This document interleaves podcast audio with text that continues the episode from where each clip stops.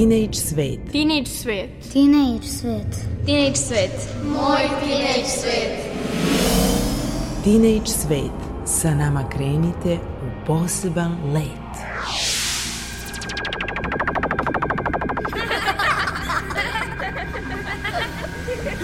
Kreativan dečji svet.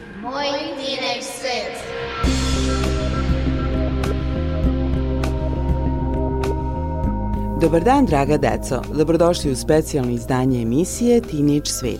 Ja sam Mirjana Petrušić, poznatija kao Zma Jovana, a čućete i moje drugare Zmajevce koje sam upoznala na 40. raspustilištu, a to su Arsen Avramov, Helena Stojanović, Olivera Avramov, Mila Petrušić, Isidor Avramov, Danica Maričić i Anđelija Ilić.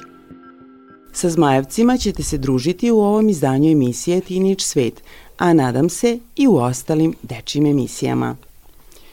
E, među vama Zmajevcima uvek ima nekih dilema. Ej, Zmajevci, razmišljam čime da se bavim u slobodno vreme, koji sport da upišem. Upiši košarku ili futbal. Ma ne, to sam već trenirao, možda odbojka ili vaterpolo. Da, šta god da upišeš, to će biti korisno za tvoj razvoj. Da, i za moj. Ja treniram karate. Imam naražanski pojas. Super. I kakvi su ti planovi za budućnost? Crni pojas, naravno. U, super. Bravo za tebe. Bar će imati ko da brani nas Zmajevce, ako zatreba. Nadamo se da neće morati. Naravno da neće. A dok on dođe do crnog pojasa, mnogo će vode proteći Dunavom. No, kada smo kod karatea kao sporta, malo sam istraživala i čujte šta sam pronašla. Karate ili karate do je borilačka veština poreklom iz Japana. U bukvalnom prevodu znači prazna ruka i misli kako se odbraniti, odnosno boriti bez oružja u rukama. Pristup karateu može biti različit. Karate je veština borenja ili samo odbrane, sport, način života, rekreacija, način postizanja zelesne građe, način osvajanja određene discipline preko potrebne u rešavanju životnih problema. Karate do se sastoji od tri glavna segmenta koji se međusobno prepliću. To su kihon, kata i kumite. Tehnike se u karateu dele na ručne tehnike i nožne tehnike. Osnovne karate etike čine sledeće vrline. Strpljenje, upornost, istrajnost, jasne odluke i ispravne namere, hrabrost, plemenitost, poštenje, a u karateu glasi jedno pravilo koje mora se poštuje da nikada, nikada nikog nemoj da napadaš prvi. U današnje vreme karate je podeljen na mnoge stilove. Neki od ovih pravaca danas su bliži sportu, drugi borilačkoj veštini kao veštini samoodbrane, treći opet borilačkoj veštini, ali kao načinu života, što je najbliže izvorima nastanka karatea. Da bi se karate detaljnije upoznao, neophodno je ući u salu – Mnoge tajne koje karate čuva u sebi kada se izgovore nikako ne mogu dočarati njegovu suštinu i poruku slušalcima koji nemaju lično iskustvo. Dragi Zmajevci, kad smo već kod karatea, u narednim minutima čućete razgovor sa tinejdžerkom koja se bavi ovim sportom. Ona je Lana Žagar, učenica osmog razreda osnovne škole Ivan Gundulić u Novom Sadu, sa kojom sam razgovarala za Teenage Svet. Zašto si izabrala baš ovaj sport? Pa išla sam na druge sportove i nijedan mi nije bio kao jako zanimljiv, ovaj mi se jako svideo. Od koliko godina se baviš karateom? Od, e, ja mislim, 10 godina. Kako bi upoznala e, naše slušalce sa tim sportom? Šta ih tamo očekuje i za koji klub treniraš? E, treniram za Shotokan 021. Očekuje ih više samoodbrana nego napad i imaju kate i borbe sad. Šta više vole. Da li je ovaj sport ispunio tvoje očekivanja kada si krenula njime da se baviš i sada? Jeste, jeste, jeste. Učestvovala si na nekim takmičenjima, kako je to bilo iskustvo i da li si osvojila neku medalju? Bilo je jako lepo iskustvo. Osvajala sam obično prva, druga mesta. To su samo kate, to je ono lakše nego borbe. I kao kad si mlađi pojas, onda veća je verovatno da ćeš osvojiti medalju nego kad si stariji pojas. I e, do kog pojasa si stigla? Do plavog. To je koji pojas po redu? Sad da upoznamo slušalce koliko tu ima pojaseva i kako je procedura um, dobijanja. To je šesti pojas po redu. Pojas uh, ima par tehnika i to dolazi komisija iz tog kluba i radite tehnike i na kraju radite kato za taj pojas. I koliko ima pojaseva po? Ima uh, deset pojaseva. Žuti, narandasti, crveni, zeleni jedan, zeleni dva, plavi jedan, plavi dva, brown jedan, brown dva i crni. Pa ja ti želim da jednog dana dođeš i do crnog pojasa. Ha. Da li je to i tvoja želja? Jeste, jeste. Hvala ti puno i želim ti još puno uspeha u ovom sportu. Hvala.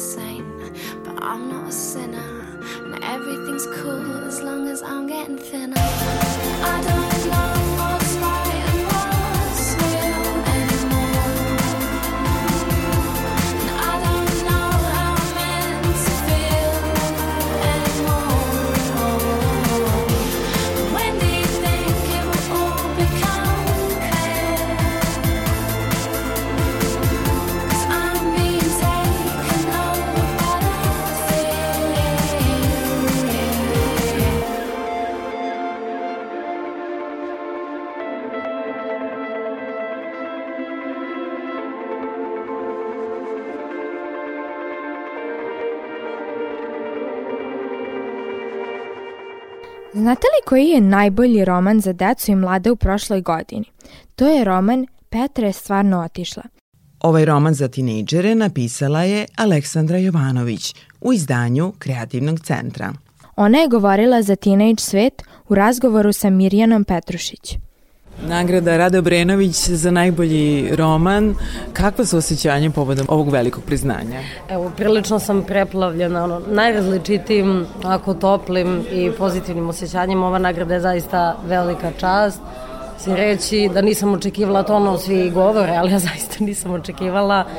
Drago mi je što je roman Petra stvarno otišlo u izdanju kreativnog centra, što je tako brzo nakon izlaska priznat, prepoznat, što će ga dobro preporučiti dalje čitocima, naravno prvo najmlađim i adolescentima koji jesu ciljna grupa ovog romana, a zatim naravno i odraslima i svima koje zanimaju ovakve teme. Eto, prijateljstvu, rastancima, kilometrima koje nas dele, strahovima, prevazilaženju tih strahova, ljubavi, tako.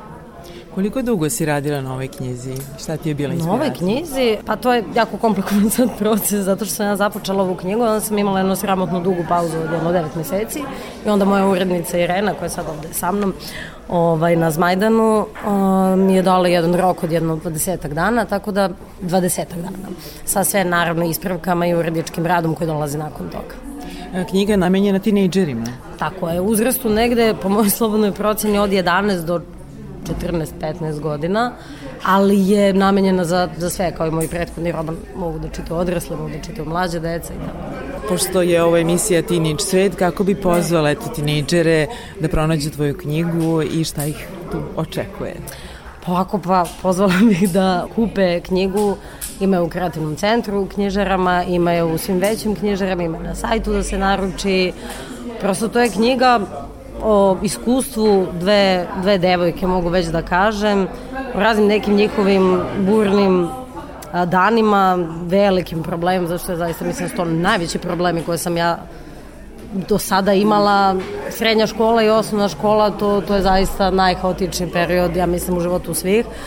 Jer postoji taj paradoks gde, gde od vas ljudi odrasli očekuju mnogo, ali u isto vreme imate neke nevjerovatne zabrane u kojima ne možete da se snađete i onda ste nekako kao nedovoljno odrasli, nedovoljno mali za zaštitu, nedovoljno odrasli za ovaj, neke sobstvene odluke i to ume da bude jako ograničavajuće, jako frustrirajuće, ali jako lep period gde ono, možete svašta i želite svašta, sve vas, sve vas nešto sprečava, ali ipak ako se snađete u tome možete možda vam bude baš lepo i te godine se pamte, tako da sam ja negde to pisala iz iskustva bližnjih, sobstvenog, iz iskustva ljudi koje posmatram, iz iskustva današnje dece, pa ćemo videti. Meni je rečeno da nema ništa cringe u knjizi, što je najvažnije, tako da eto.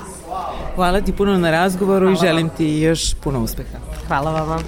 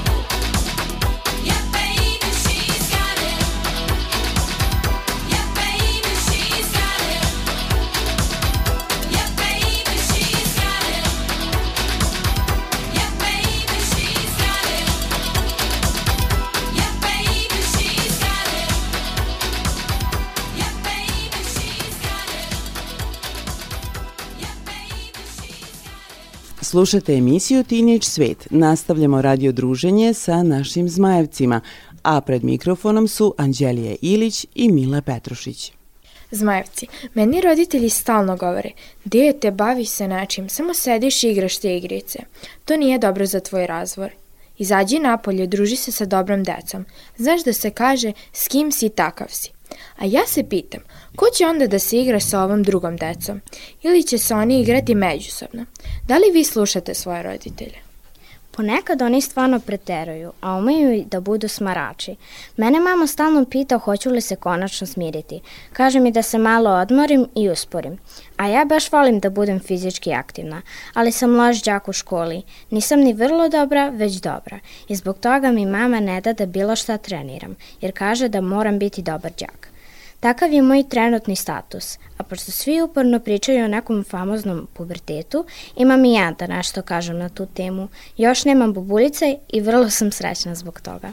Blago tebi, a moje lice ko jagoda. Nego i to će proći, čim izađemo iz tog puberteta. A dugo već razmišljam kako bih mogla da se upišem na neki ples. Probala sam i gimnastiku i odbojku i balet, čak sam išla i na časove klavira i ništa me nije posebno zainteresovalo. To je pametna ideja. Ja sam krenula pre nekoliko meseci na folklor i jako mi se sviđa. Učimo razne igre i odlično se družimo, jer mi smo naravno opet plesački tim. I ja volim folklor, tako je veselo i svi se trudimo da plešemo složno kao jedan. Ja isto volim folklor, ali nisam mogao, pošto ne mogu da se uklopim sa vremenom zbog škole. Prešao sam na sviranje instrumenta. Kog instrumenta? Sviram gitaru. To je baš zanimljivo. Da, veoma je važno biti deo neke zajednice ili družine. Bilo da je to sport, muzika ili ples. Najbitnije je da smo fizički aktivni, jer to je ključ dobrog zdravlja i ishrana naravno. Ja bih predložio da kreneš na neku vrstu plesa. Većina naroda na našoj planeti ima svoj tradicionalni ples. Hoćemo da izgooglamo pa možemo zajedno da čitamo. Važi. Evo ja ću. Ja mnogo volim Španiju. Sad ću da pretražim na telefonu. Evo ga.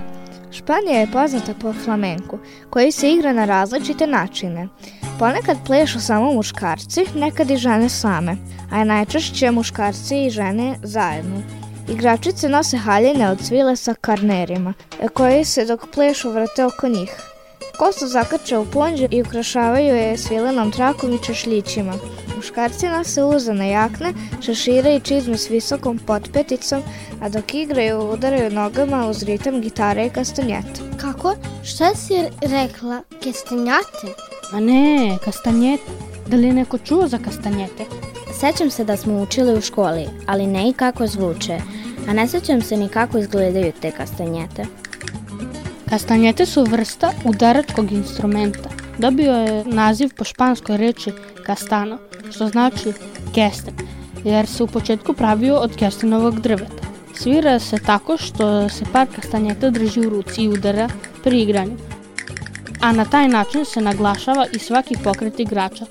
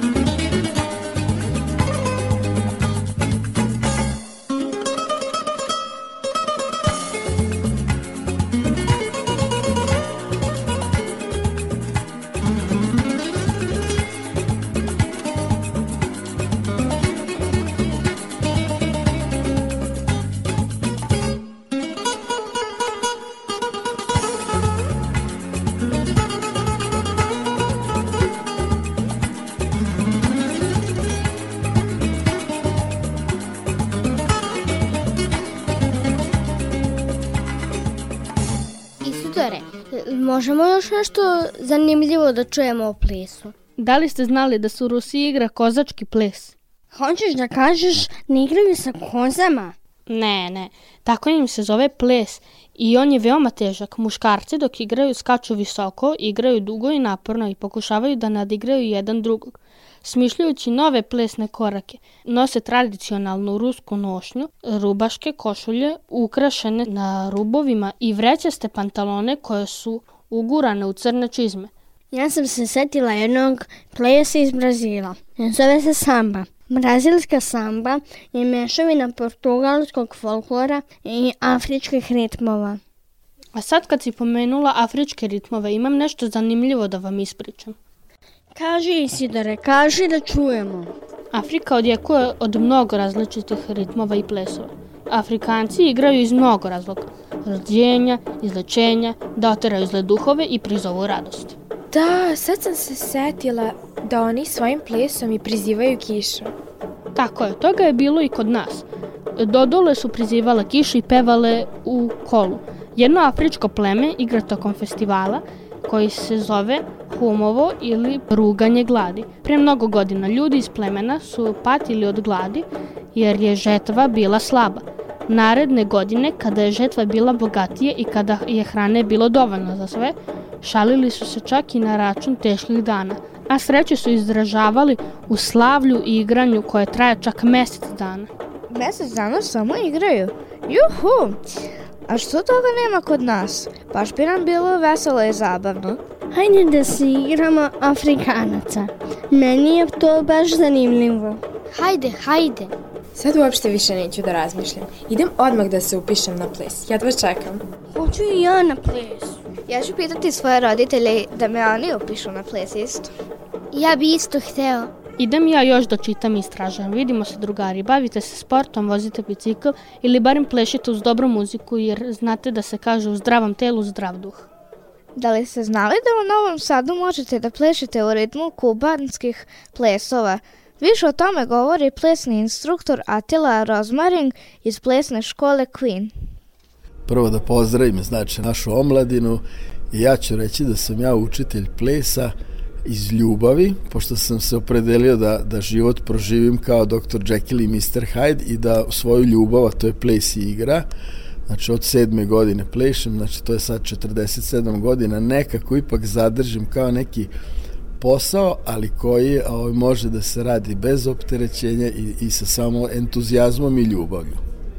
Kako si krenuo? Da li si krenuo kad si bio tinejdžer?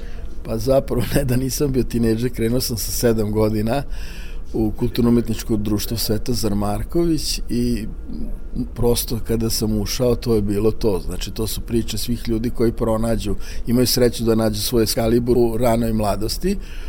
I onda već sa 12-13 godina sam dobio od mog koreografa zadatke da prenosim a, ovaj, znanje mlađim od sebe i tu se onda nešto, neki klik se desi i to se meni da zapravo dopalo da, da širim to ples igru ko zarazu. E onda kasnije kao i svi tinejdžeri sad igraju sturdi i te razne nove hip-hopove, tada je se pojavio breakdance i ja poludeo, vrtao se na leđima glavi i sve to posle breakdance znači kako godine nešto donose, bilo mi malo. Hteo sam još nešto i slučajno naletim na ples i eto, otkrijem jedan okean koji je potpuno neverovatno bezgraničan, znači sa znanjem, sa, sa raznim plesovima i onda baveći se zapravo uvidiš da e, se zapravo e, mnogi plesovi e, rađaju iz iste neke emocije, samo u zavisnosti gde ljudi žive, čime se bave, kako koračaju, kakve imaju stavove o životu,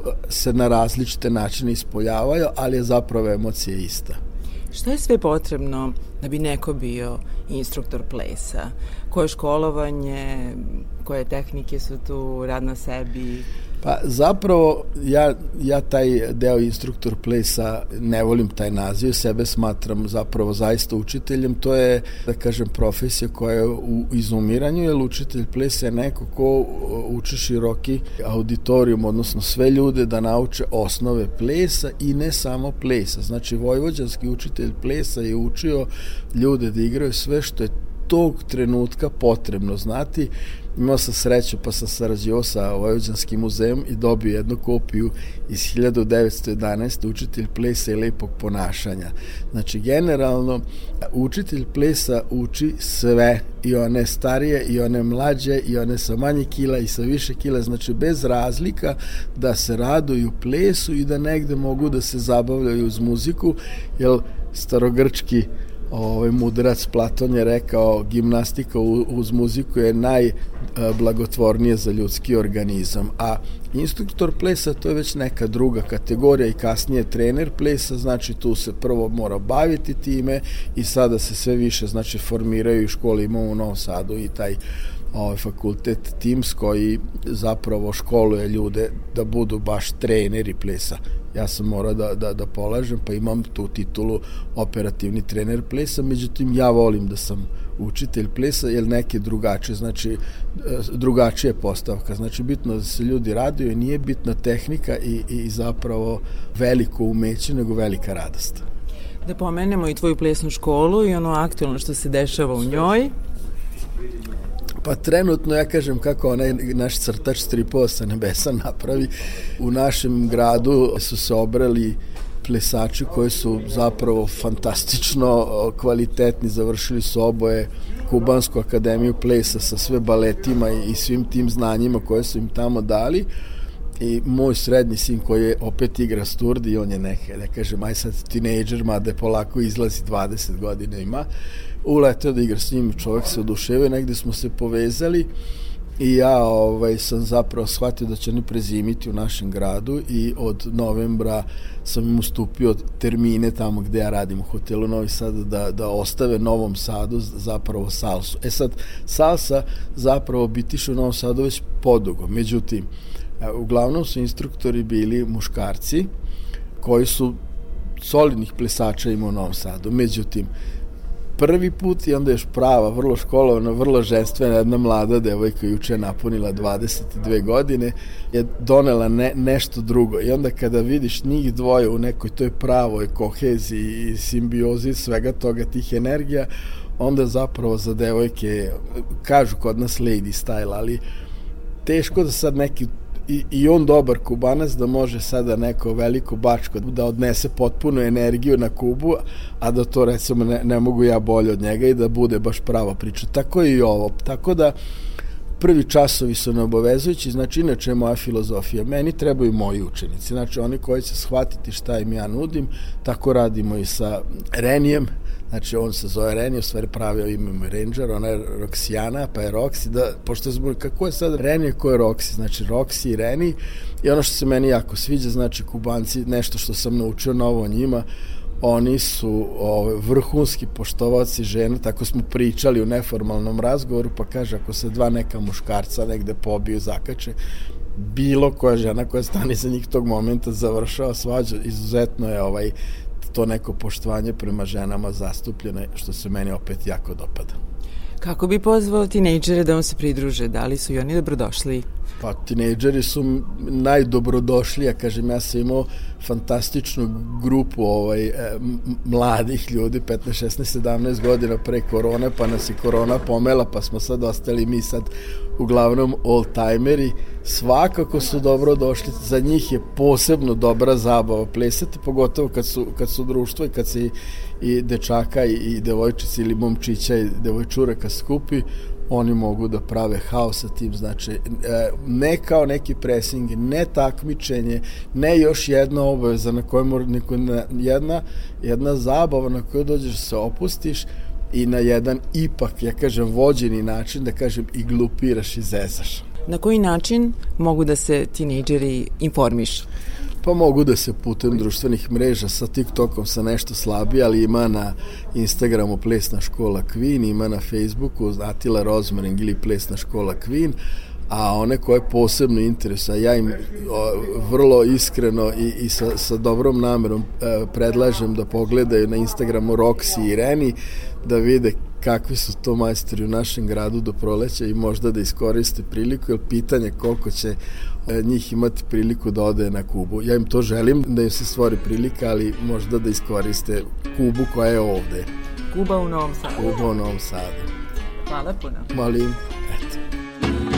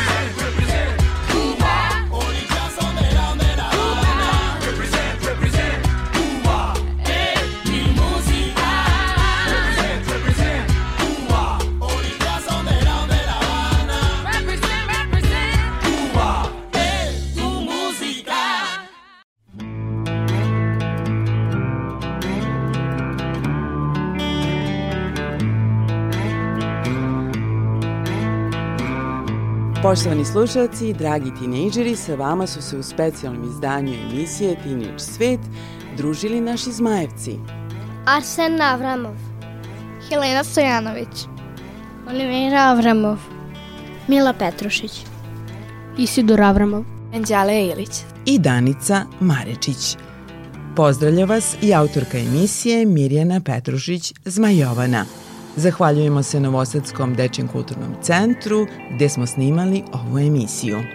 Emisiju su realizovali snimatelj na terenu Goran Kovačević, muzička urednica Maja Tomas, saradnica na scenariju Branka Marković i ton majstor Marica Jung. Srdačan pozdrav i do slušanja! Do slušanja!